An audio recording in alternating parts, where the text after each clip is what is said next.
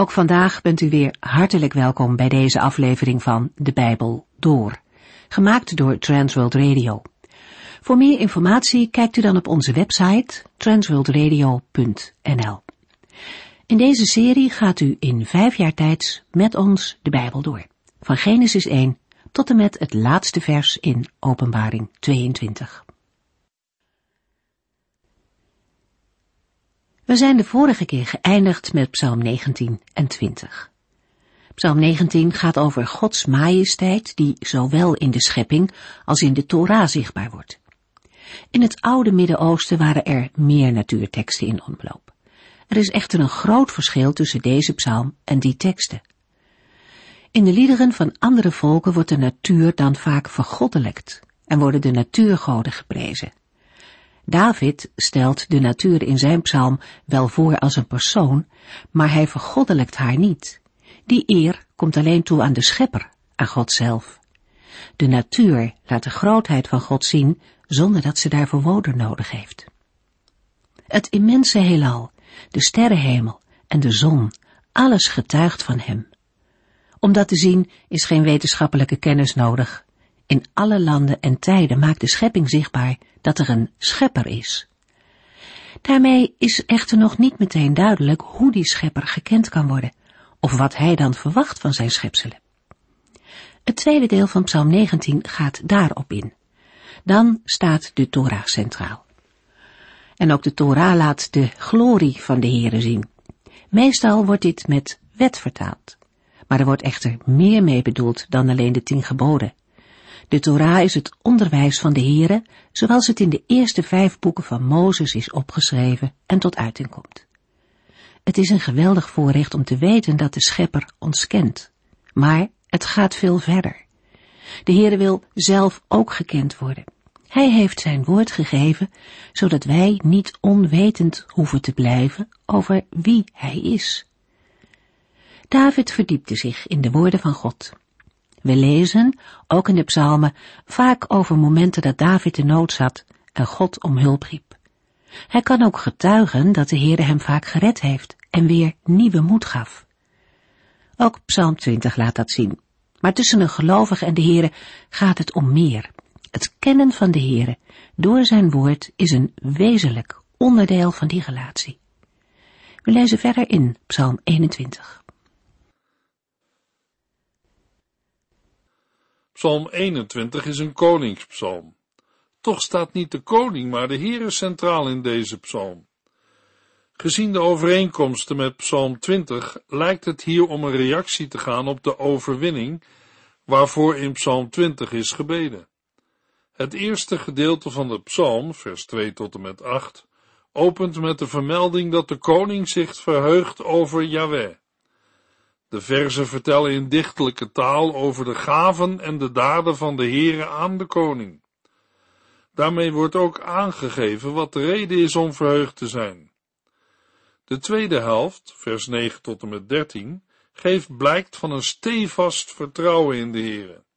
Hij zal doorgaan met het brengen van overwinning en vernietiging van vijanden. De psalm eindigt in vers 14 met een oproep en een belofte aan de Heere.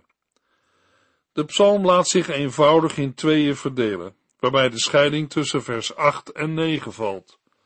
Inhoudelijk verandert daar de toon van de psalm. Ook zijn de gedeelten voor en na deze scheiding ongeveer even groot als het opschrift in vers 1 niet wordt meegerekend.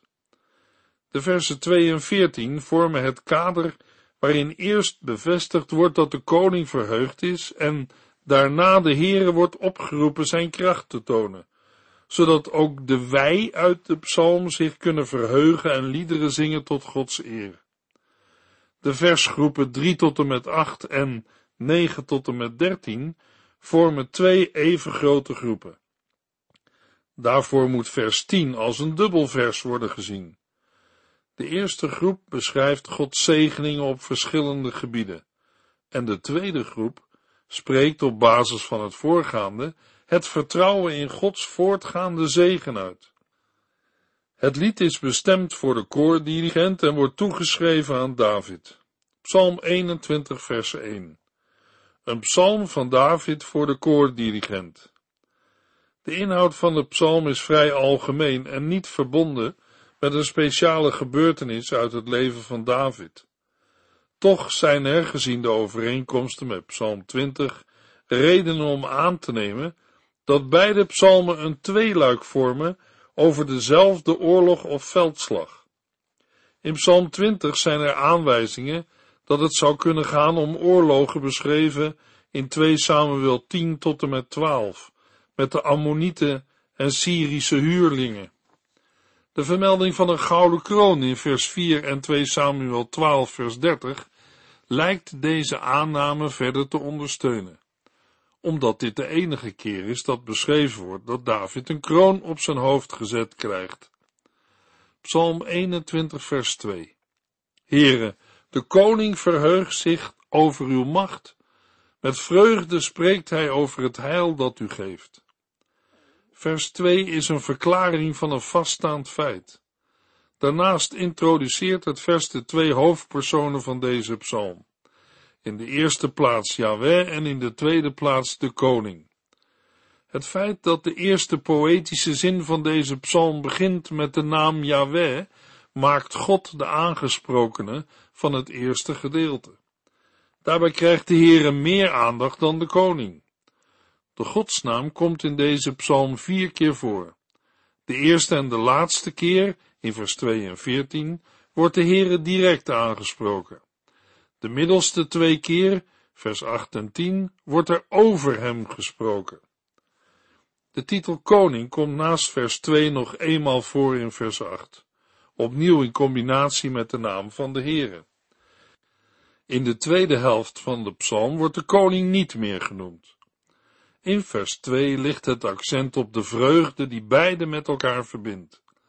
Deze vreugde in en over de Heere is de rode draad door heel Psalm 21.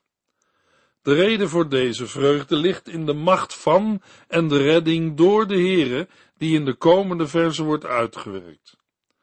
Een alternatieve vertaling van de twee werkwoorden maakt het vers tot een aansporing van de koning om God te prijzen. Geen van de Nederlandse vertalingen heeft gekozen om vers 2 als een aansporing te vertalen. Veel Engelse vertalingen kiezen daar wel voor. Psalm 21, vers 3 tot en met 8. U vervulde zijn grootste wens. Wat hij u vroeg, hebt u hem niet geweigerd. U komt hem tegemoet met overvloed en geeft hem een prachtige gouden kroon. Hij vroeg u te mogen leven, dat stond u hem toe, tot in hoge ouderdom. Dankzij u is hij beroemd en geëerd. U gaf hem aanzien en majesteit. U zegent hem rijk en geeft hem een hart vol blijdschap. Allemaal omdat de koning op de Heere vertrouwt. Door de goedheid en de liefde van God, de Allerhoogste, faalt hij niet. In de versen 3 tot en met 6 wordt om en om gesproken in de verleden tijd en de tegenwoordige tijd. Hiermee wordt de indruk versterkt dat God zegen er niet alleen in het verleden was. De Heere heeft niet alleen in het verleden zijn zegen gegeven, maar doet dat ook in het heden. Allereerst wordt de Heere beschreven als een God die gegeven heeft wat de koning verlangde. Wat hij u vroeg, hebt u hem niet geweigerd. Het wordt ook uitgedrukt met de woorden, u vervulde zijn grootste wens. In de Hebreeuwse tekst van vers 3 wordt het uitgedrukt met de woorden, u gaf hem het verlangen van zijn hart. Het gebruik van het woord hart vormt een verbinding met Psalm 20 vers 5, waar we lazen, ik bid dat hij u geeft wat uw hart verlangt. De dichter van Psalm 20 vraagt of de Heere de verlangens van het hart van de koning wil vervullen. Tegelijkertijd verwijst het woord hart in het Oude Testament niet alleen naar een orgaan, maar naar alles wat de mens beweegt en voelt. Vandaar dat de Griekse vertaling van het Oude Testament, de Septuaginta, vertaalt met ziel. De Heere komt de koning tegemoet met zegen en overvloed, door hem een kroon te geven. Het volgende vers staat weer in de verleden tijd en spreekt over een expliciet verlangen van de koning en het gulle antwoord daarop van de Heere, die hem een heel lang leven schonk. En niet alleen dat. Ook nu ervaart de koning Gods redding en zegen. Het toewensen van een lang leven aan de koning is iets wat regelmatig voorkomt in de Bijbel. We vinden het niet alleen in Israël, maar ook in Egypte, Babylonië en andere oude culturen. Al is het niet aannemelijk dat de koning verwachtte altijd te blijven leven. De tweede helft van dit vers kan dan ook het beste gelezen worden als een poëtische weergave van de grote overvloed van Gods zegen. Deze zegen bestaat uit een lang leven waarin iemand die volheid van leven heeft mogen ervaren en oud en van het leven verzadigd kan sterven. Met betrekking tot David lezen we daarover in 1 Kronieken 23 vers 1. Toen David dit alles zei, was hij al erg oud. Dat was voor hem reden troonsafstand te doen ten gunste van zijn zoon Salomo. En in 1 Kronieken 29 vers 28 lezen we, David stierf op hoge leeftijd, rijk en beroemd. Zijn zoon Salomo volgde hem op. De koning leeft voort in zijn nageslacht, doordat zijn koningshuis blijvend is. De belofte van de Heer over het blijvende koningshuis van David vinden we ook terug in Psalm 89. Ook laat vers 6 zien dat het gegeven leven in vers 5 niet alleen kwantiteit heeft, maar ook kwaliteit. Dankzij u is hij beroemd en geëerd. U gaf hem aanzien en majesteit. In vers 7 komen veel kernbegrippen uit het eerste gedeelte van Psalm 21 terug. Vers 7 kan dan ook gezien worden als een sleutelvers. Er volgt een herhaling van eerder gegeven redenen tot vreugde, eeuwige zegen, die direct gekoppeld wordt aan de Heere. U zegent hem rijk en geeft hem een hart vol blijdschap. Dat de koning vreugde vindt, heeft alles te maken met het feit dat hij God vertrouwt. En dit vertrouwen in de Heere is mogelijk door de goedheid en de liefde van God, de Allerhoogste. Psalm 21, vers 9 tot en met 14. Heere, u weet uw vijanden te vinden. Wie u haten, zullen niet aan u ontkomen. Wanneer u komt, Heere, zullen zij door uw toorn verbranden. U zult hen vernietigen. In het vuur zullen zij omkomen. Zelfs hun kinderen zult u wegdoen van deze aarde, en hun nageslacht zal niet bestaan. Als zij proberen u kwaad te doen en slechte plannen maken, zal het hun niet lukken. U laat hen vluchten, u richt uw pijlen op hun gezicht. Toon uw kracht, heren, dan zullen wij liederen zingen tot uw eer. Een belangrijke vraag bij de versen 9 tot en met 13 is, wie er in deze versen wordt aangesproken. Dat kan vanuit de Hebreeuwse grondtekst zowel de koning als de heren zijn. Reden om aan te nemen dat de koning de aangesprokene zou zijn, is dat vers 10 over God spreekt, maar dan opeens in de derde persoon. Deze onverwachte overgang van tweede naar derde persoon kan verklaard worden door de tweede persoon de koning te laten zijn.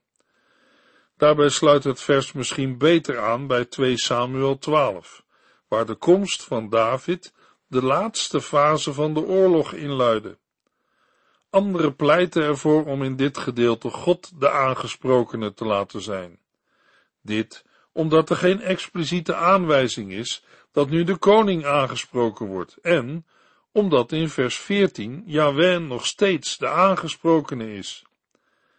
Het is mogelijk dat Yahweh direct wordt aangesproken, in dichterlijke vrijheid, of dat de dichter deze regel bewust gebruikt om zo de Heere en de koning samen aan te spreken.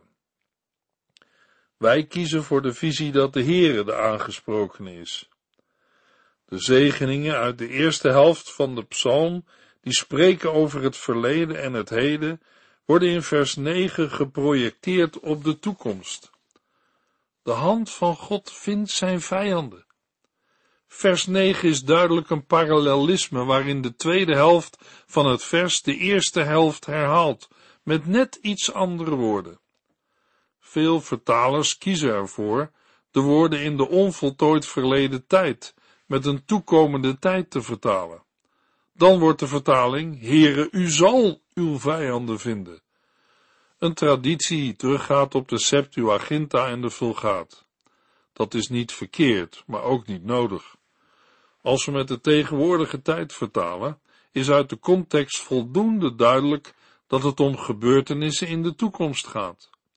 Door met de tegenwoordige tijd te vertalen, wordt de huidige relevantie van deze toekomstige gebeurtenissen scherper weergegeven.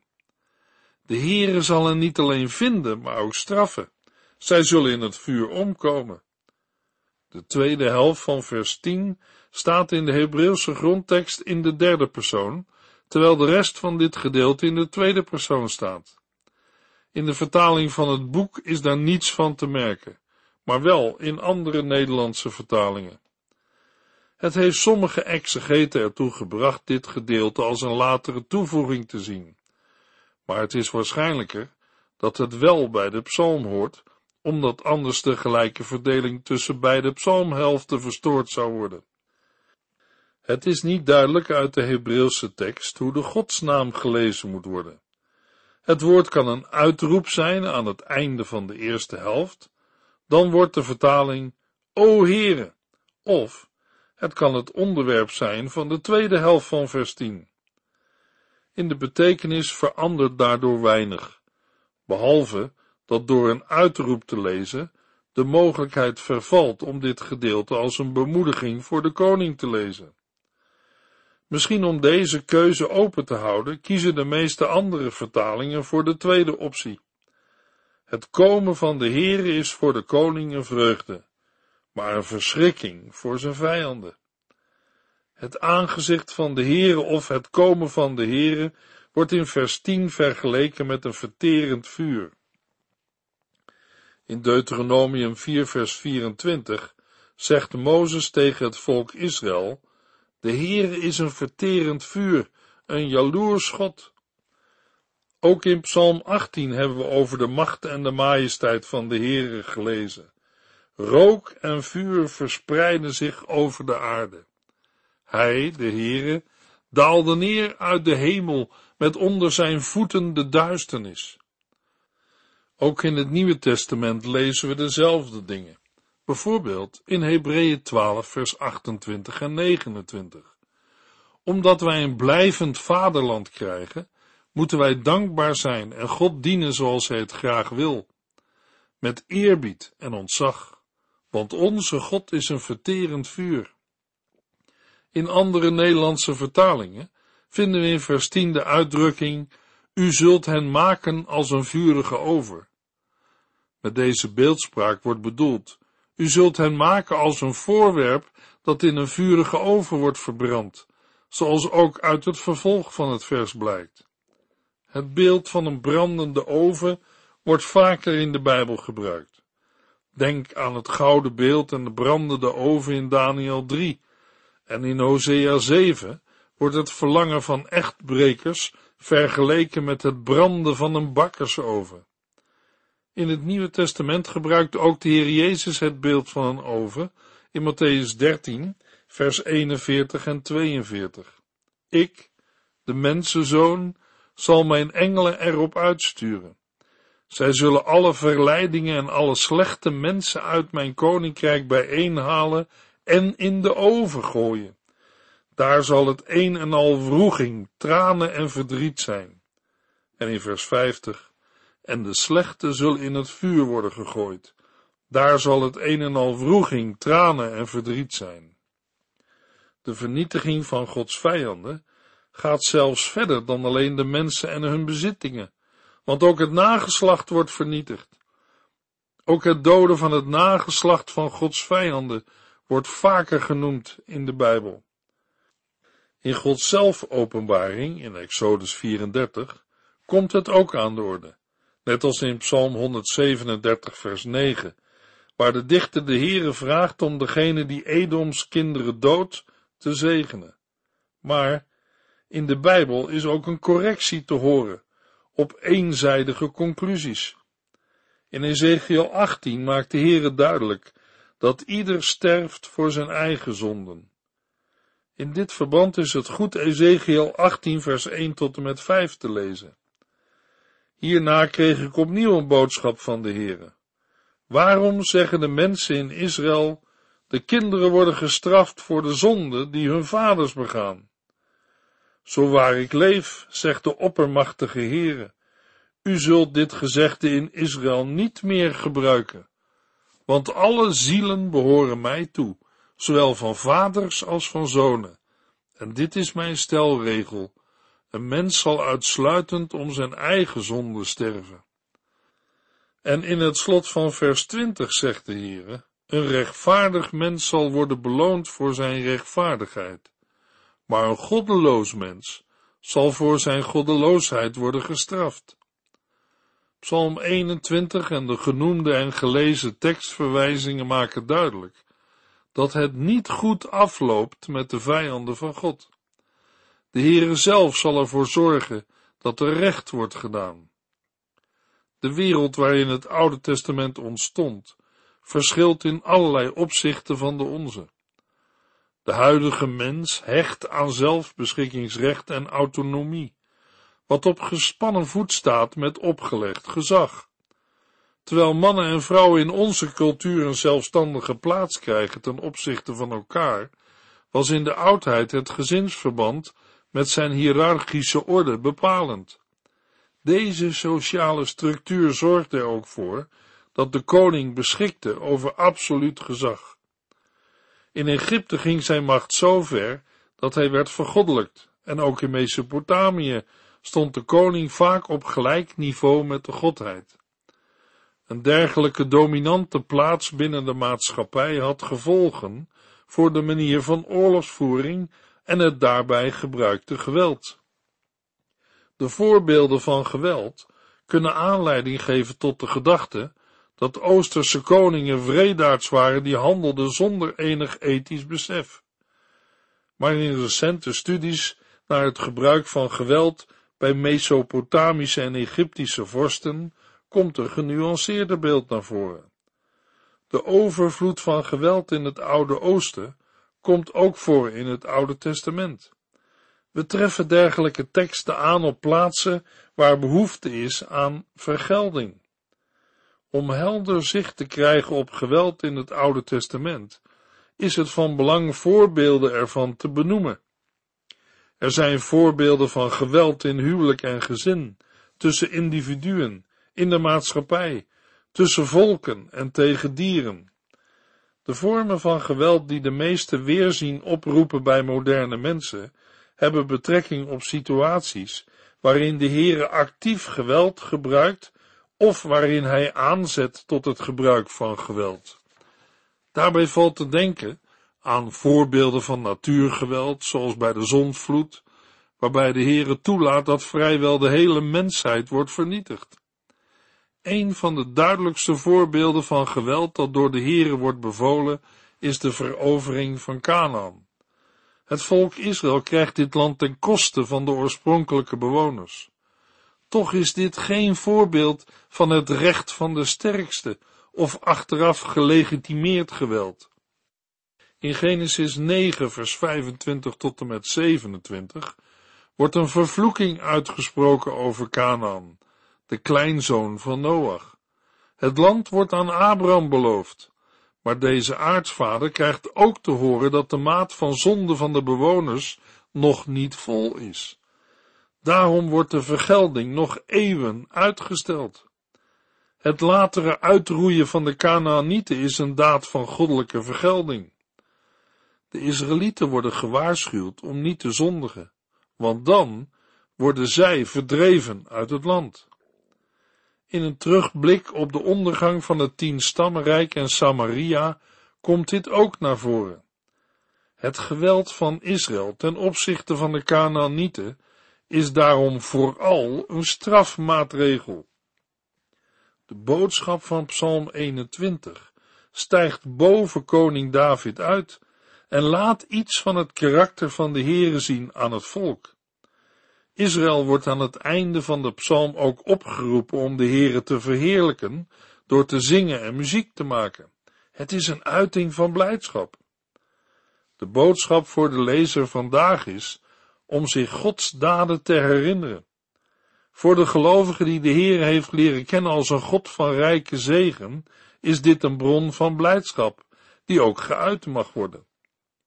Nu wij dankzij de kennis van de rest van het Oude Testament en Nieuwe Testament nog veel meer grote daden van God kennen, geeft dat hoop en vertrouwen voor de toekomst. Paulus zegt in Romeinen 8 vers 32, de Heere heeft zijn eigen zoon niet ontzien, maar hem uitgeleverd ten behoeve van ons allemaal. Zal hij, nu hij zijn zoon heeft gegeven, ons dan ook niet alles geven?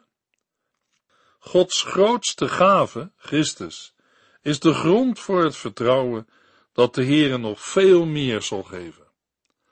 Ten slotte, oude Joodse bronnen interpreteren Psalm 21 messiaans. De koning die hier beschreven wordt, is volgens hen de Messias. De versen 2 en 8 werden zo vertaald dat ze naar de Messias verwijzen. Tevens wordt er in de Midras en de Talmud op gewezen dat de versen 6 en 8 over de Messias gaan. Later meende Rashi, een Joodse rabbi uit de middeleeuwen, dat de messiaanse lezing van deze psalm maar beter kon worden geschrapt omwille van de christenen. Ook onder christelijke bijbeluitleggers komt de messiaanse interpretatie regelmatig voor. Zo schrijft de reformator Calvijn dat vers 5 duidelijk over de Messias gaat, vanwege het lange leven dat wordt beloofd. Toch is de eerste uitleg van Psalm 21 dat de tekst betrekking heeft op de koning van Israël. Maar in het leven van koning David zijn allerlei zaken die later in Christus vollediger van toepassing zijn en worden vervuld. In de volgende uitzending lezen we Psalm 22. U heeft geluisterd naar De Bijbel Door, in het Nederlands vertaald en bewerkt door Transworld Radio. Een programma waarin we in vijf jaar tijd de hele Bijbel doorgaan. Als u wilt reageren op deze uitzending of u heeft vragen, dan kunt u contact met ons opnemen. Tijdens kantooruren kunt u bellen op 0342 478432. 0342 478432. Ook kunt u een e-mail sturen naar de Bijbel transworldradio.nl en natuurlijk kunt u ook via de post ons bereiken. TWR, postbus 371, postcode 3770, AJ in Barneveld. Dit programma werd gepresenteerd door Cor Weda en Ike André. Techniek was in handen van Odin van Voerkom. En wij allemaal bedanken u voor het luisteren. Graag tot de volgende keer.